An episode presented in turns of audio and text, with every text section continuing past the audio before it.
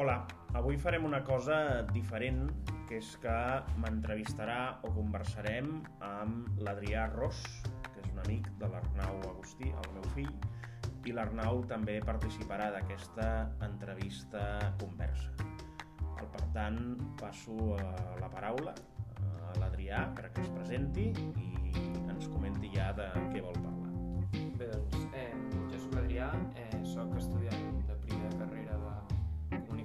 Cultural, que és un grau que es fa a la Universitat de Girona, i bé, bé vinc a una mica a parlar sobre el eh, passat polític de Carles, una mica també per, per conèixer i també conversar amb l'Arnau sobre les seves eh, inquietuds polítiques, podem dir, i també col·locar-me a mi també en un espectre polític.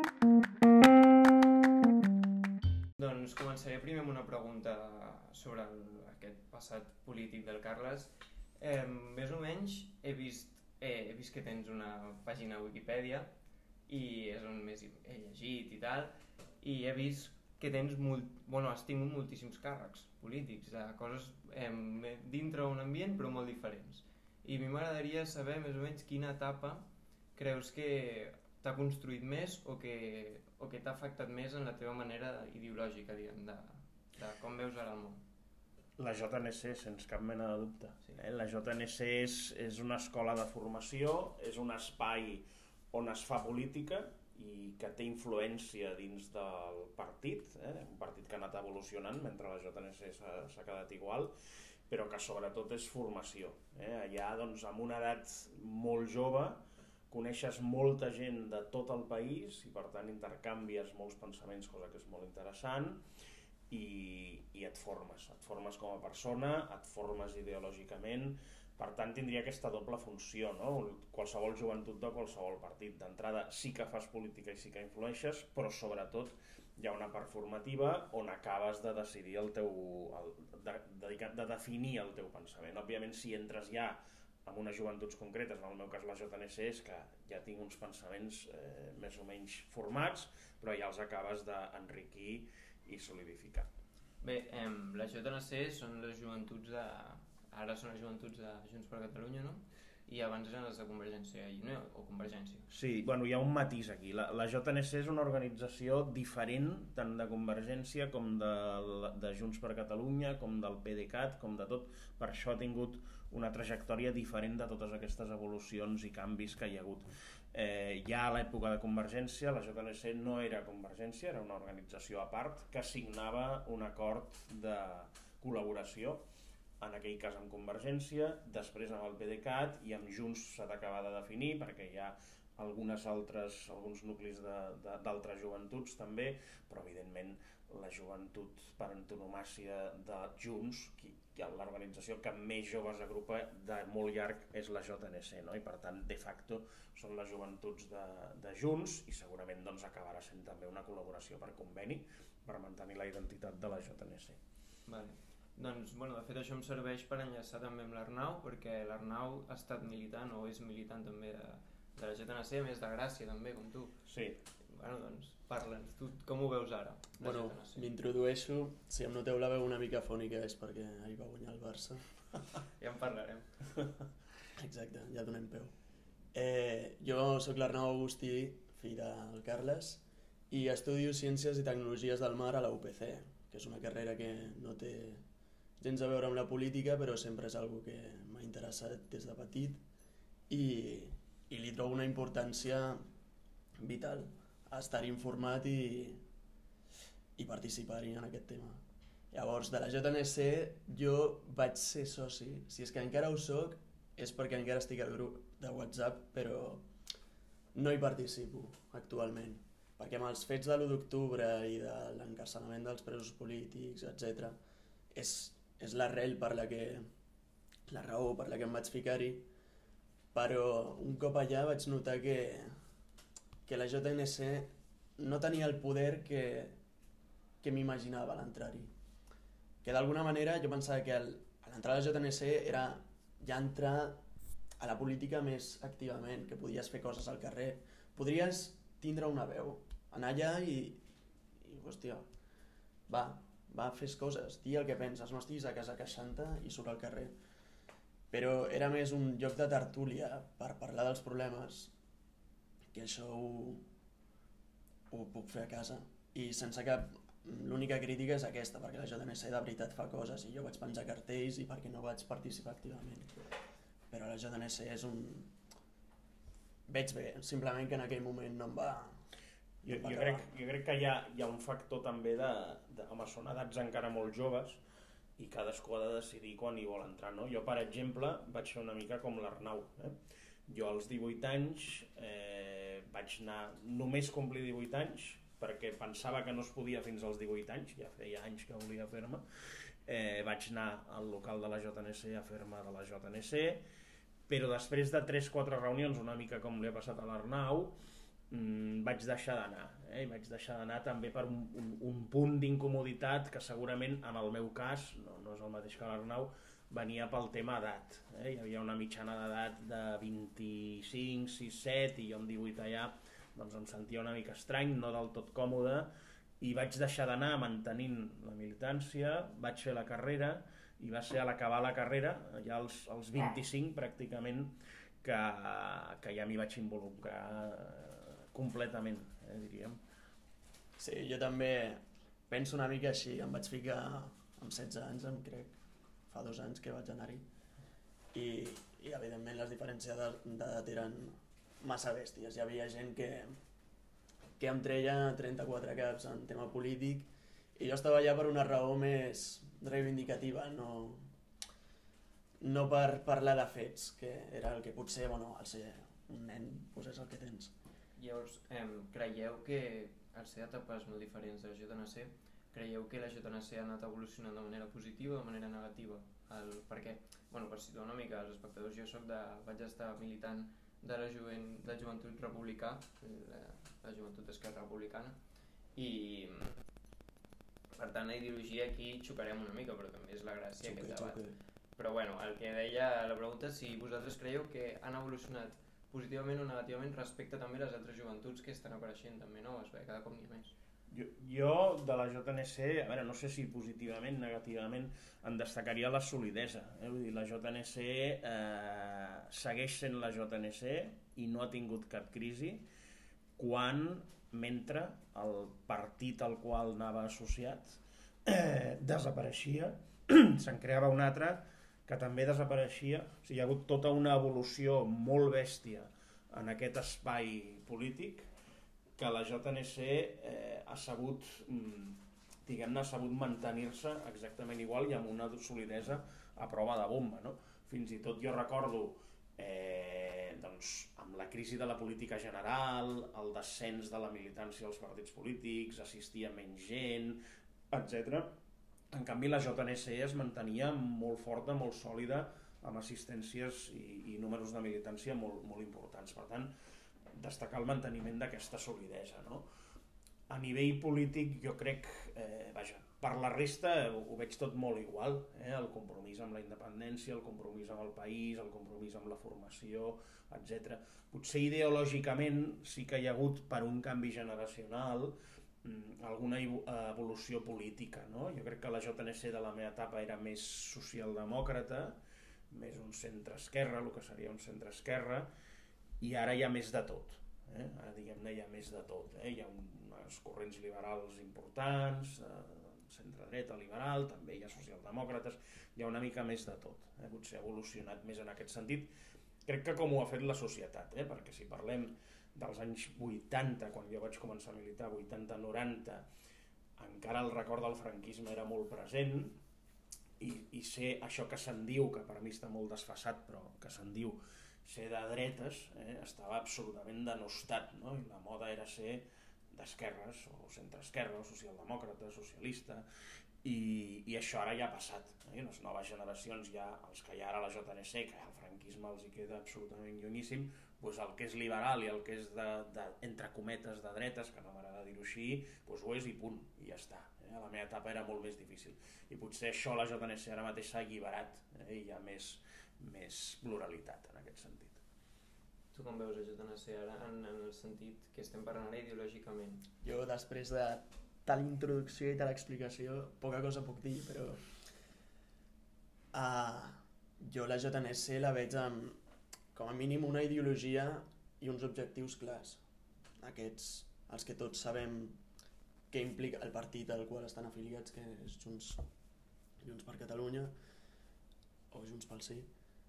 Eh, jo veig que la JNC defensa això i la joventut, que és una, un sector de la població, si no el més potent, doncs disposat a, a lluitar per aquests objectius. I la veig com una organització pues, que organitza això, el sector més potent de la societat a aconseguir aquests objectius.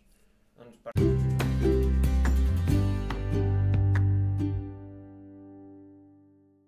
Parlant de, del tema joventut i has dit que és un dels sectors més potents i clar, ara estem en un moment, em serveix molt bé per introduir el tema, en el que la joventut o una part de la joventut, diguem, podem dir de la joventut d'esquerra eh, independentista, però majoritàriament d'esquerra, ha sortit als carrers aquests dies a Barcelona i ha començat amb manifestacions pacífiques normalment cada dia, eh, encapçalats també per partits polítics com la CUP, recolzats per una mica per Esquerra Republicana, tot i que no se sap molt bé què fa Esquerra Republicana, ja ho sabem. I, i vull saber què en penseu, un, sobre els temes de les manifestacions pacífiques i dos, sobre els aldarulls que hi ha hagut després d'aquestes manifestacions pacífiques, perquè aquí també hi ha opinions molt, molt trobades.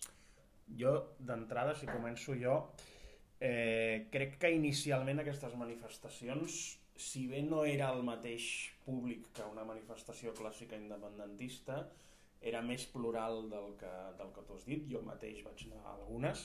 Ens referim ara des de la detenció del Pablo Hasél, per entendre'ns, però és veritat que al ser el Pablo Hasél doncs, un personatge diguem-ne amb un públic més tendent a l'esquerra, alternativa, fins i tot, eh, les manifestacions han anat derivant cap a una sociologia més, més d'esquerres i més alternativa, eh, i més amb els aldarulls i més amb el pas dels dies, no? Però al principi jo crec que eren una mica de tot eh, i formava part de tota aquesta repressió i carències democràtiques que patim, el fet que empresonin a una persona que després et poden agradar més o menys les seves cançons, però que l'empresonin per les lletres d'unes cançons, no? cosa que sembla eh, dictadura sí, sí. De, de, de món àrab. No? Eh, sobre la segona part que comentaves dels aldarulls, a veure, jo crec que, que ens hem de quedar amb les, amb les dues coses. És un error només mirar els aldarulls i condemnar els aldarulls, i és un error no veure'ls eh, i només quedar-nos amb la reivindicació. I crec que s'han de fer les dues coses. Jo els aldarulls els condemno eh, i puc entendre un malestar social, puc entendre un malestar social de la joventut avui en dia clarament amb el confinament, amb la independència, amb l'atur, amb un cúmul de coses, amb una edat complicada, eh, que, que bueno, és una edat que, que es viu amb molta intensitat i teniu unes limitacions ara, no ja només de, de, de, de passar-s'ho bé i d'esbarjo de, i tal, sinó laborals i polítiques i de tot, i per tant aquest malestar surt, eh? per tant aquest, aquest punt hi és i s'ha d'entendre? Ara bé, d'aquí a certs incidents que hi ha hagut, sobretot en les últimes manifestacions, jo crec que depassen una línia i són, són absolutament condemnables. No? El, el, el trencament i l'atac a comerços de tot tipus del centre de la ciutat, eh, vandalització, saquejos, tot això és absolutament condemnable i és més, potser algun dels manifestants participava d'alguna manera, eh, alguns molt alternatius, però això ja forma part de grups organitzats, molts dels quals estrangers, que no eren d'aquí, i grups concrets lligats a, a ser anarquisme violent. Per mi això és absolutament condemnable, però paral·lelament n'hem d'analitzar les causes. No et pots quedar només amb això perquè llavors només estàs gratant la superfície. No? I en les causes hi hauria tot el que he comentat abans, aquest malestar evident, la sensació que passen els anys i certes polítiques i passi qui passi pels governs coses que no es transformen, com pot ser l'atur o pot ser la independència, val? i el malestar afegit del tema del coronavirus, que per mi té una, una gestió excessivament, eh, anava a dir repressiva, no és això, excessivament prohibitiva, pels, restrictiva pels, pels joves. No? Sí, bueno, jo aquí diré la meva, si mm. em permeteu. Eh, sí, sí. Jo sóc Eh, doncs de, del jovent independentista d'Esquerra Republicana, tot i que ara mateix no milito a cap organització, eh, però veig que és això, és, és el que deies, hi ha un malestar general social totalment vinculat a causes socials, eh, com per exemple el 40% d'atur juvenil, que això nosaltres, tant a mi com l'Arnau, que d'aquí 3 anys, si tot va bé, acabarem una carrera i haurem de trobar una feina. Eh, cada cop tenim més, més inseguretats, més no, no sabem com ens ho farem, i, això genera molt malestar i no només això, sinó que també s'està veient una, un moviment en contra dels desnonaments que estan havent-hi, sobretot durant la pandèmia, perquè que et desnonin a les 9 i mitja de la nit i a les 10 hi hagi un toc de queda, clar, és una mica, és una mica paradoxal i, i totalment injust des del meu punt de vista. I llavors el que vull dir és que eh, la violència o els aldarulls, diguem-ne, no, no la condemno tant potser com, el, com, com ho ha dit el Carles, perquè la veig totalment, totalment eh, legítima en, punt, en què ens estem, ens estem abocant cap a un moment en el que si no es fa ús de... si no es crema un contenidor, no ens escolten. Si fem una manifestació pacífica, com les tan participatives independentistes que hi han hagut durant aquests últims anys, eh, està molt bé per durar una setmana els titulars dels diaris o, o dels notícies, però quan s'acabi aquesta setmana ja tothom l'ha oblidat.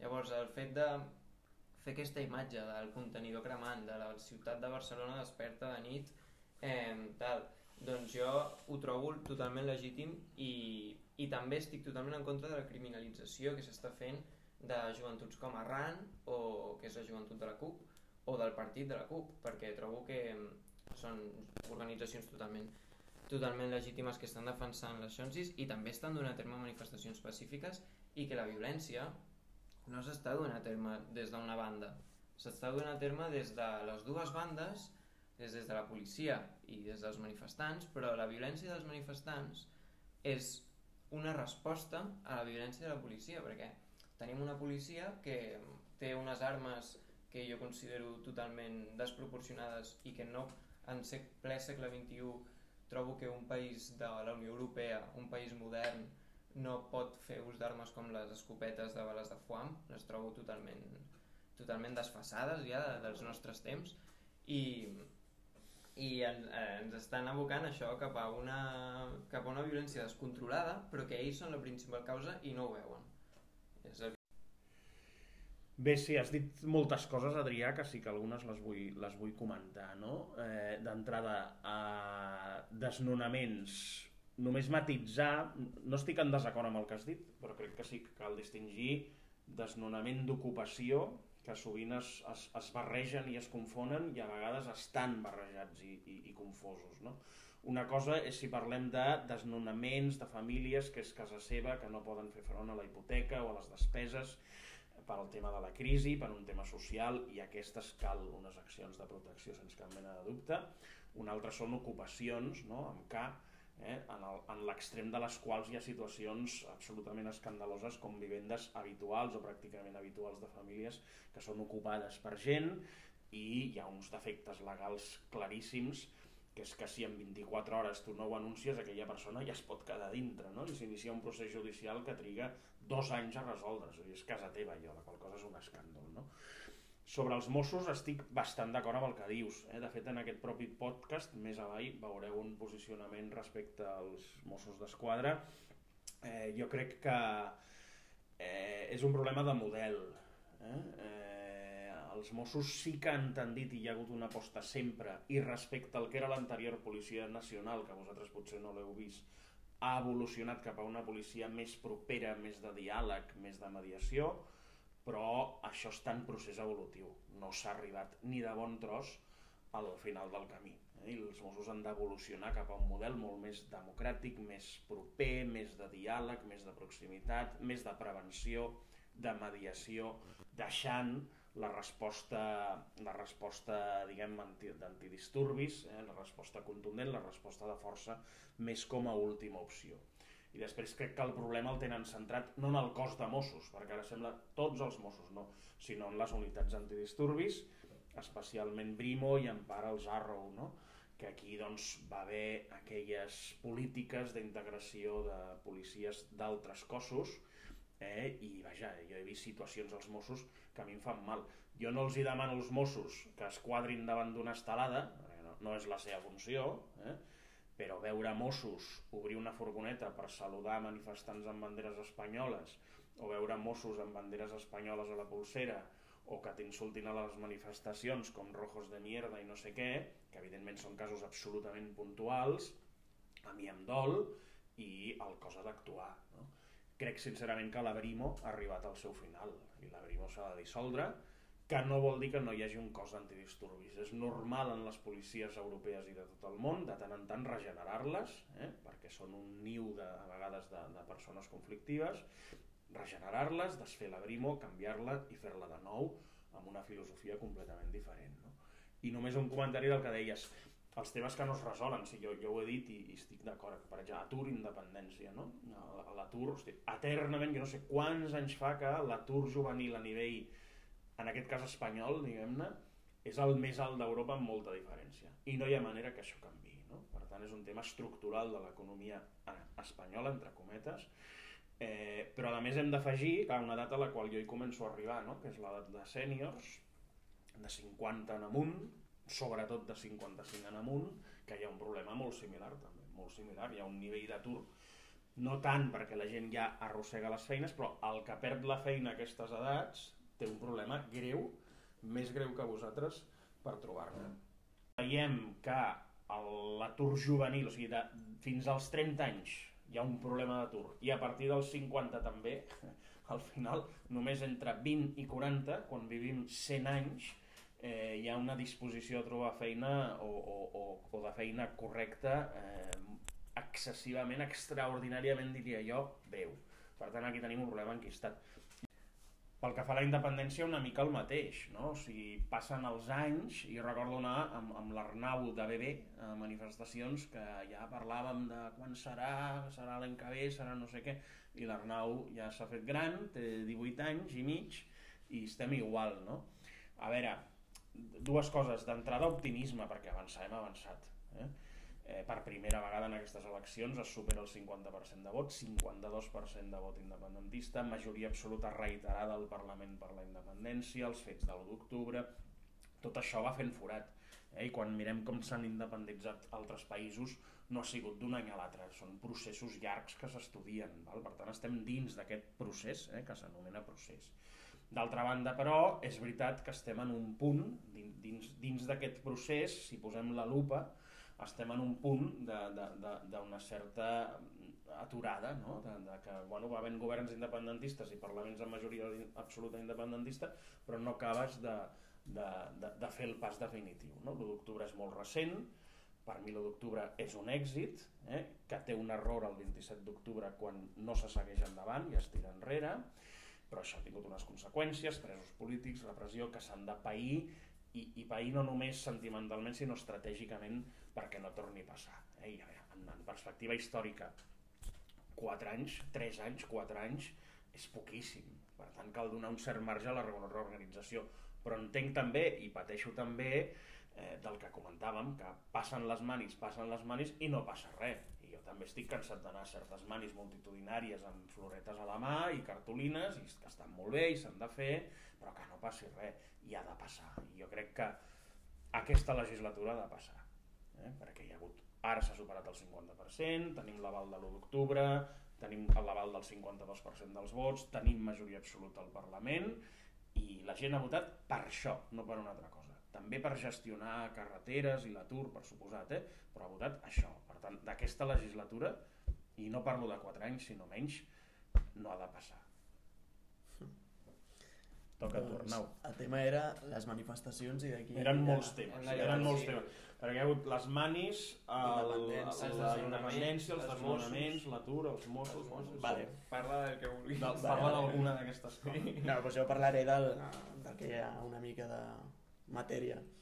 Aviam, el fet de les manifestacions i la independència, jo veig les manifestacions del Hassel com, com a part d'una reivindicació clara per una un delicte injust com és injúria a la corona, que no hauria d'existir, una oportunitat per la gent que ha quedat reprimida que també en base independentista, tota aquesta gent que després de l'- del 1 d'octubre del 2019, la pandèmia i tot això, que ha hagut un punt de dir, toma, estaves a tope, estaves en el punt més alt i de sobte tancat a casa.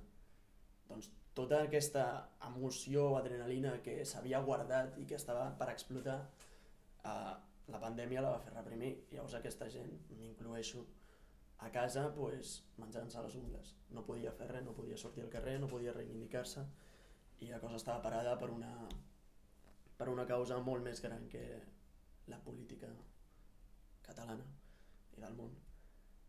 Llavors, aquestes manifestacions jo també condemno els, el, els destrossos i, i, i ara no em sortirà la paraula Saquejos. saquejos, Mm. bueno, tot el, el tema destrossar els carrers els condemno perquè no, no ha de ser la manera, ha de ser una altra. Però és veritat que si no ens escolten ni amb violència, amb què ens escoltaran? Perquè al final és el que has dit tu abans, Adri, que està molt bé tindre la portada del diari una setmana, però després què? Ja està, s'oblida. I és el que volen, evidentment. Al final és una lluita de aviam qui dona més, aviam qui estira més, i això no ha de ser la manera, perquè desencadenarà en algo que no és bo per ningú, que ja pot ser la cosa més exagerada que us espereu, que algú mori, un punt d'inflexió, un punt d'inflexió molt gordo, que no ha de ser la manera. És que no ha de ser, no ha de ser, però al final porta, el camí està portant cap aquí. I, i si no col·laboren les dues parts, perquè eh, els Mossos, la policia i tot això participa de manera que mani repressió, mani eh, porrazos, mani gomazos. Uh, no, no es poden fer manis amb la policia, els Mossos d'Esquadra, la, la brigada antidisturbis. Tot això les manifestacions ho veuen com, evidentment, reben ordres de dalt de dir que no, que no us manifestareu, que no destrossareu més coses. Però és que, és que no ens escolten, és que no, no pot ser. Bueno, digue'm tu la manera, que això de que la policia dialogui, parla, parla. Tu també ets persona, eh? el que et diu que facis aquestes coses, vale. Però tu com a persona, tu veus la situació en la que està la teva societat i la repriment, és que tu vas a favor de que vagi en aquest camí, que és el mal camí. Llavors, com a persones, la policia crec que hauria de, de hòstia, és que enmig de les manifestacions fer una reflexió de per què estem aquí, per què estem pagant o disparant aquesta gent que s'està manifestant de manera pacífica en la majoria de les ocasions per una cosa que segurament, o sigui, ja no pel tema independentisme o llibertat Pablo Hasél, sinó perquè eh, això de l'atur, els desnonaments, tot això, la societat està malament. Hi ha un malestar general que es nota en l'ambient, es respira.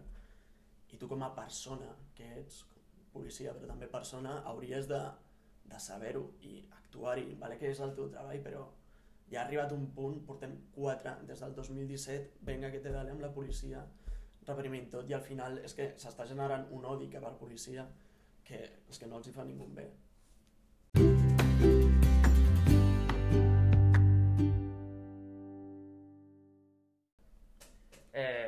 Veure, sí, eh, coincidim amb coses, coincidim amb coses tant amb l'Arnau com amb el Carles, eh, més amb l'Arnau en algun sentit, i, però bueno, eh, per que no s'allargui més i perquè ens fa il·lusió també treure el tema de, del Barça perquè està tot molt, molt caldejat, ara venen les Després eleccions. de la victòria, Ah, després, ahir va guanyar el Barça contra el Sevilla remuntant, es va classificar a la final de la Copa del Rei, que, doncs això, volem, volem parlar una mica del Barça. Eh, us diré que el Carles i l'Arnau eh, són partidaris i estan activament, perquè són socis del Barça els dos també, estan Sí. activament fent campanya pel, pel Víctor Font, i a més el Carles té una organització eh, que li dona suport al Víctor Font, que es diu el senyor Ramon, que és un think tank, podem dir, Sí, però si vols matiso. aclarar, sí, sí, sí, Aclaro, totalment. Eh? el senyor és Ramon no dona suport al Víctor dona- Font. vale, el vale. senyor Ramon és un think tank del Barça, del qual formo part, que el que es dedica és de manera independent a generar idees, eh, com estem fent una mica aquí ara, eh, a generar idees pel Barça. Eh, I hem treballat molts temes que posem a disposició de tots els candidats. Val? Ah, Llavors hi ha una sèrie de gent, i perdona el matís, No. del senyor, perquè és important, si queda gravat, del senyor Ramon que s'ha compromès amb algunes candidatures. Eh, aquesta gent deixem de ser eh, membres actius del senyor Ramon mentre estiguem vinculats a candidatures. Concretament estem eh, cinc persones vinculades amb el Víctor Font i tres amb el, amb el Jan Laporta. Aquestes vuit persones sí que encara estem en un xat que anomenem bar, bar amb B alta, per tant ja us podeu imaginar el que és, però no participem de tota l'estructura organitzativa i decisòria del senyor Ramon mentre estiguem vinculats, Vale, val? vale. perquè el senyor Ramon no pot estar, és incompatible. Vale. A partir de diumenge, bueno, si guanya eh, un o guanya l'altre, eh, bueno, depenent de si segueix una vinculació d'aquestes persones amb el candidat que guanya, haurà de o deixar el senyor Ramon o quedar en segon terme, o els altres podran tornar, vale?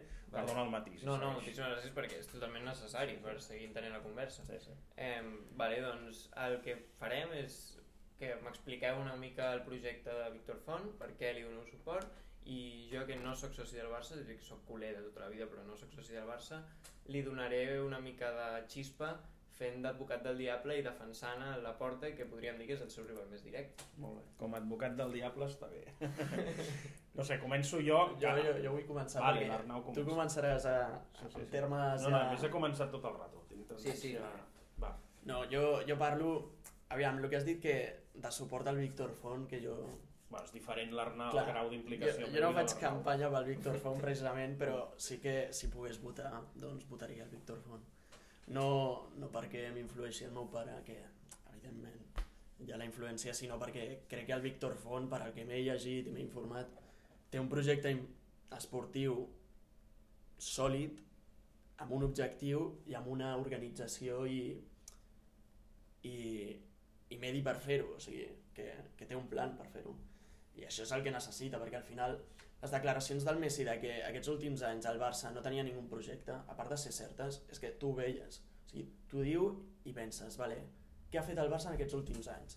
Ha omplert els espais buits. S'anava Iniesta, doncs ficaven a l'Artur, s'anava al... Bueno, ara s'ha anat al Suárez, han ficat el Braithwaite. No era anem a reestructurar l'equip per formar un nou equip, sinó com s'han anat llegendes com aquests jugadors, pues, aviam, anem a trobar com si fos aquí anar a buscar bolets al camp a pues, jugadors promeses que puguin substituir mm, estrelles del Barça, que això evidentment és molt difícil. Amb el Pedri i l'Ansu Fati potser hem tingut la sort de la Masia que és una fàbrica de talents que igual sí que substitueixen les estrelles però es necessita evidentment un projecte esportiu i una un, un, una cosa per donar-li als culers que confia un, un, un projecte de futur, un PDF. Jo, doncs, a veure, jo respondré que... Jo, jo aquí sí que em baso, abans anomenaves el senyor Ramon, no? Que el senyor Ramon portem dos anys, diria, eh? treballant intensament cada parcel·la del Barça, estudiant-la, fent propostes, i això m'ha influït molt en el pensament, no? I una mica el resum és que el Barça ha anat perdent aquells valors eh, lligats al, inherents al propi club, en els quals, entre els quals hi ha la catalanitat, hi ha un estil de joc concret, hi ha la masia, el, el, els jugadors de la casa, hi ha la, la, la, un model de club democràtic, eh? el Barça doncs, el més que un club va lligat a la representació de Catalunya, amb el franquisme, que no hi havia democràcia, i el Barça era el club dels, dels demòcrates, no? ser del Barça a Madrid, a Sevilla, a Burgos, a vegades era un motiu de, de, de, de, de, de rebuig al, al règim franquista. No? Tots aquests valors s'han anat esllenguint, eh? tenen el seu punt àlgid amb la conversió, amb la, amb la connexió la porta Guardiola-Cruyff, val? a mesura que aquests personatges van desapareixent i en venen d'altres darrere, aquests altres van esllenguint el projecte fins arribar a un Bartomeu, una fase final de Bartomeu que ha estat histriònica, per, per dir-ho d'alguna manera. No? Llavors, per mi és fonamental recuperar aquests, aquests valors en tots els sentits. Evidentment hi ha una part més de gestió que és l'econòmica, eh? més, més, més feixuga de, de comentar, però la, la catalanitat del club, que s'ha anat perdent, l'1 d'octubre com a exemple, l'estil de joc que s'ha anat perdent, ja no sabem a què, a què juguem, Koeman sembla que vol recuperar una mica aquell estil de joc, respecte a Valverde sí que és un punt d'inflexió, però no acabes de saber, es va improvisant, eh, el model de gestió és, és anacrònic completament i gaire, no diré predemocràtic, però, però molt poc democràtic, això sí, cal actualitzar-lo, i a mi qui presenta aquest projecte, qui em connecta més amb això, és el Víctor Font.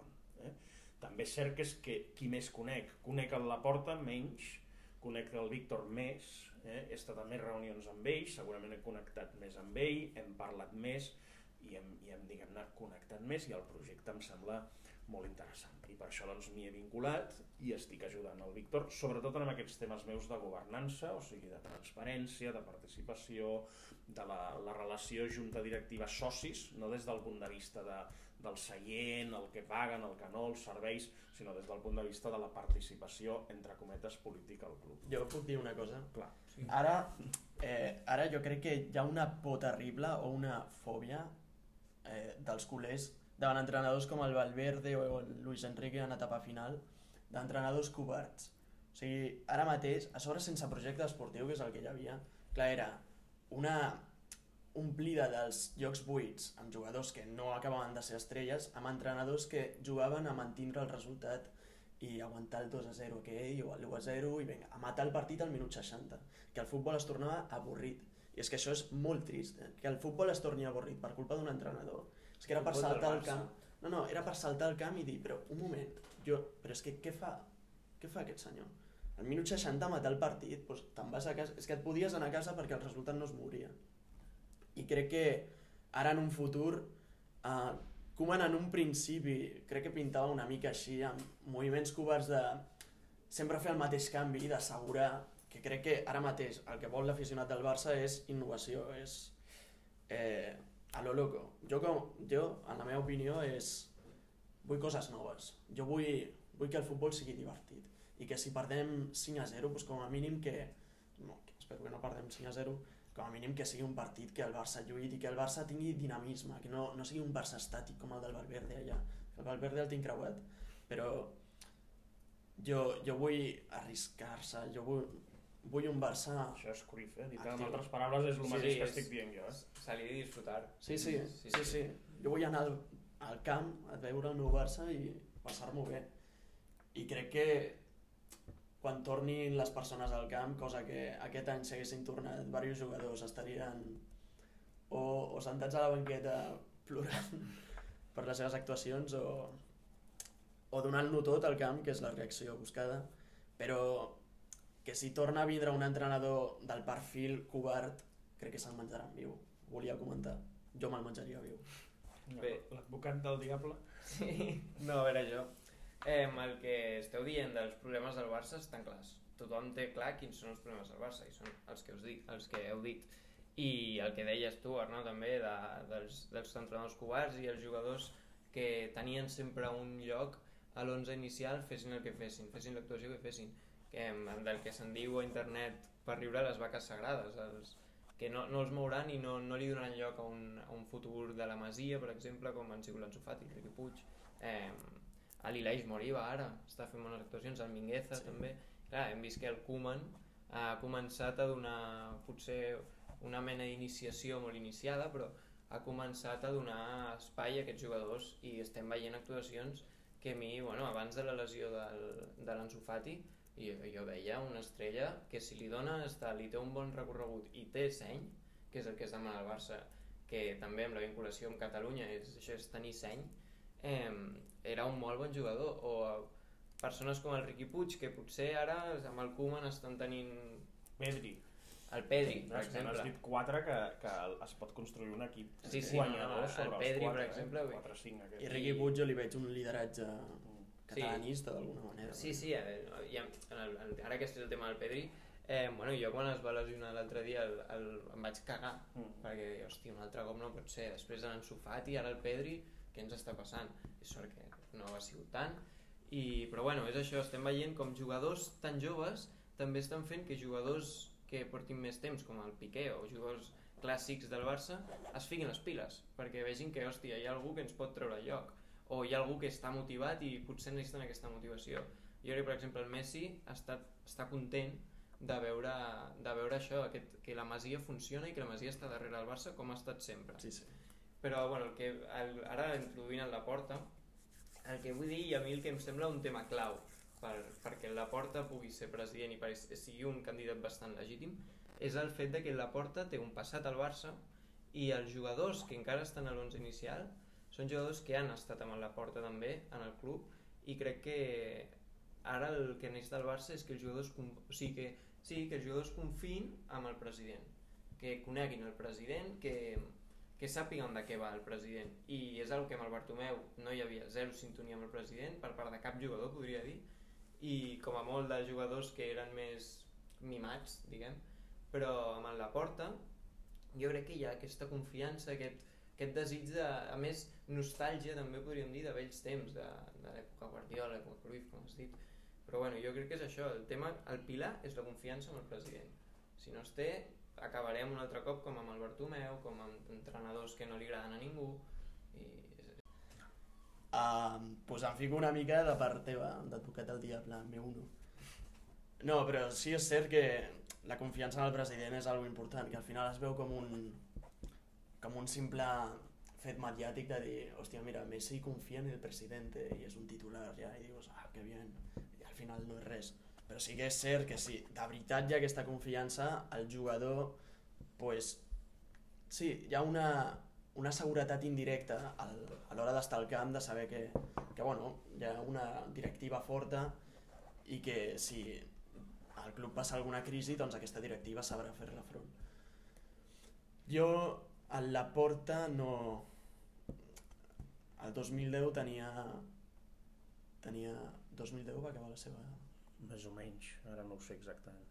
Bueno, doncs tenia 8 anys, llavors no l'he vist, no, tu i jo. No, no. no l'hem viscut i no coneixo poc de la seva etapa. Sé que vam guanyar coses, entre elles Champions, però també com a joventut jo prefereixo canviar, tornar al passat. Per desgràcia no porta, no porta gaires coses bones en, en moltes ocasions i, i Víctor Font és una alternativa nova que al final sona trist dir-ho, pitjor que el Bartomeu no podrà fer. O sigui que... Jo, a veure, els arguments que has dit, Adrià, no em semblen bé, jo no, no, no els rebato. En tot cas, aquella frase, no?